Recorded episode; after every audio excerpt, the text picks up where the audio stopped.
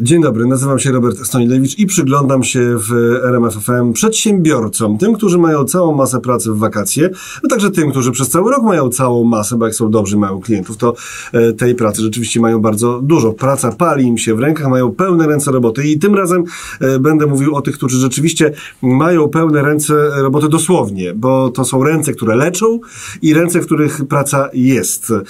Chodzi o fizjoterapeutów, bo o nich e, tym razem chcę Wam opowiedzieć. Wielu fizjoterapeutów pracuje w placówkach służby zdrowia, po prostu, czyli w NFZ.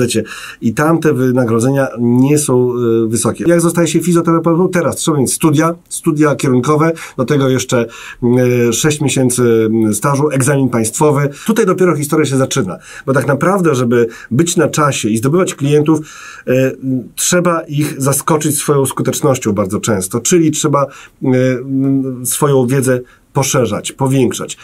Gdzie to się robi? To się robi na kursach. I tutaj dotykamy kwestii czasu i pieniędzy, dlatego że takie kursy kosztują. To jest czasami 2-3 tysiące za e, taki kilku, kilkudniowy kurs. Te kursy są niezbędne po to, żeby e, potem faktycznie być na czasie i nowe terapie pacjentom oferować, bo też są pewne e, mody, ale mody nie w złym znaczeniu, tylko mody, które polegają na tym, że wtedy, kiedy pojawia się jakiś nowy trend fizjoterapii, to rzeczywiście trudno odstawać, trudno być obok, trzeba za tym iść po to, żeby faktycznie faktycznie mm, pacjenci byli zadowoleni. Mm, I co jest ważne i co się wiąże z tym zadowoleniem pacjentów? Usłyszałem od kilku fizjoterapeutów, że bardzo ważny jest ten pierwszy efekt. Oczywiście są trudne przypadki, y, kiedy trudno pomóc pacjentowi nawet w trakcie kilku sesji, ale jednak bardzo ważne jest to, żeby mieć na tyle wiedzy, na tyle już obycia zdolności, doświadczenia, żeby faktycznie pacjent poczuł, że coś się wydarzyło w trakcie tej pierwszej sesji. Nawet jeżeli to nie będzie rozwiązanie tego problemu, ale pacjent poczuł, że coś coś się dzieje faktycznie. I to jest jeden z tych, y, jedna z tych dróg do tego, żeby tych pacjentów pozyskiwać. Y, gro pacjentów przychodzi do fizjoterapeutów dlatego, że są polecani przez inne osoby. Ten marketing szeptany to jest niezwykle ważne, ale oczywiście są tacy, którzy bardzo intensywnie rozwijają tą swoją działalność, chociażby w social mediach y, i tam się pokazują, pokazują co potrafią, prowadzą jakieś blogi, vlogi, o, takie podcasty na przykład, tak, wtedy też pokazują co potrafią zrobić. Co dalej? Jak wystartować? Coś trzeba mieć. Prawdopodobnie na początku taka osoba nie będzie miała e, e, gabinetu. Prawdopodobnie najczęściej nie będzie w stanie albo nie będzie chciała może jeszcze wynajmować gabinetu. Być może ruszy po prostu w teren i będzie zmierzała od pacjenta do pacjenta. Taka osoba, która wybiera się od pacjenta do pacjenta na pewno musi mieć podstawowy sprzęt. Ten podstawowy sprzęt to stół, na którym tego pacjenta trzeba będzie położyć, żeby z nim e, pracować.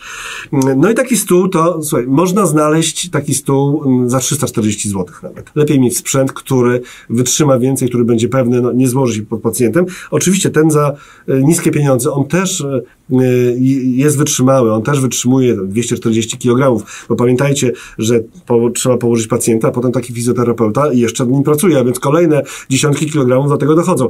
A więc taki stół, który rzeczywiście, z którego można być dumnym i spokojnym mojego działanie, to jest y, wydatek rzędu 1700, kilkudziesięciu, 1800 y, złotych. Do tego trochę gadżetów, które y, trzeba mieć, wałki, półwałki, specjalne, teraz modne, piny, gwoździe, to jest to minimum, albo właściwie to jest to, co zawsze wystarczy, bo nawet w tym gabinecie, jak ktoś się już go dorobi, to też to będą podstawowe sprzęty. Oczywiście potem w miarę rozwoju tego biznesu, w miarę jak przybywa pieniędzy, możliwości. Zwykle y, fizjoterapeuci gromadzą kolejne urządzenia, odkrywają ich możliwości. Czasami jest też tak, że po prostu no, pacjenci y, chętniej korzystają z pewnego rodzaju urządzeń, które w takim gabinecie fizjoterapeuty fizjoterapeutycznym się y, pojawiają. Największym zmartwieniem, tak mi się wydaje teraz, jak usłyszałem od niektórych fizjoterapeutów, największym czy sporym, no bo ci dobrzy to nie mają zmartwień, jeżeli chodzi o zlecenia, bo tych zleceń mają dużo, jest taka pewnego rodzaju rzetelność klientów. Znaczy chodzi o to, że klient się umawia, a potem klienta nie ma. Z tą nierzetelnością można sobie poradzić y, i coraz więcej osób sobie, coraz więcej przedsiębiorców sobie z tym radzi, stosując y, takie wirtualne biuro, wirtualną recepcję. Aplikację, gdzie można y, przy rejestrowaniu wizyty włączyć opcję, że pacjent, klient musi zapłacić zadatek. No więc jak jest zadatek, ja wiem, że jeżeli się nie pojawi, to te pieniądze zostaną ściągnięte, no to wtedy motywuję do tego, żeby jednak trafić żeby jednak nie, nie zawierać, nie, nie rezerwować takich wizyt e, zbyt pochopnie. Kolejna rzecz to jeszcze, jeżeli ktoś jest takim solowym fizjoterapeutą, czyli jeszcze nie ma kliniki fizjoterapeutycznej wręcz, na kilka gabinetów i recepcje. E, kolejna rzecz to jest kwestia umawiania wizyt. To jest dopiero problem, bo jeżeli masz pełne ręce roboty, czy jeżeli oni mają pełne ręce roboty, no to jak w tych rękach utrzymać telefon, prawda? No, nie wypada. Pacjent na stole, który ma problem, który płaci za tą wizytę, a tutaj nagle telefon i umawianie e, kolejnego terminu, a więc też aplikacja, która zastępuje, e, która zastępuje właśnie recepcję. To jest bardzo dobry e, pomysł, jest tego coraz więcej i coraz więcej przedsiębiorców rzeczywiście z tego korzysta, tych przedsiębiorców, którzy ma, obsługują klientów i którzy są wskazani na te rezerwacje. To jest bardzo fajny pomysł i to bardzo, bardzo pomaga. Co do innych urządzeń, co do kwestii zorganizowania sobie tej pracy, no to oczywiście y, mamy kwestię przyjmowania płatności. Y, wiadomo, że w wielkich miastach gabinet, tam karty chodzą i to, i to jest bezdyskusyjne, ale mam takie sygnały, że y, ci fizjoterapeuci, którzy decydują się na taką działalność mobilną, jednak chętniej stawiają na gotówkę. No, no tak, można założyć, że jeżeli ktoś zamawia wizytę do domu, to wtedy rzeczywiście jest przygotowany i tą gotówkę ma, E, no ale też nie oszukujmy się, coraz więcej osób nawet w domu nie trzyma gotówki, co generalnie też nie jest najlepszym pomysłem, ale tak jest, tak żyjemy, więc faktycznie terminal to jest coś, e, co by się e, przydało.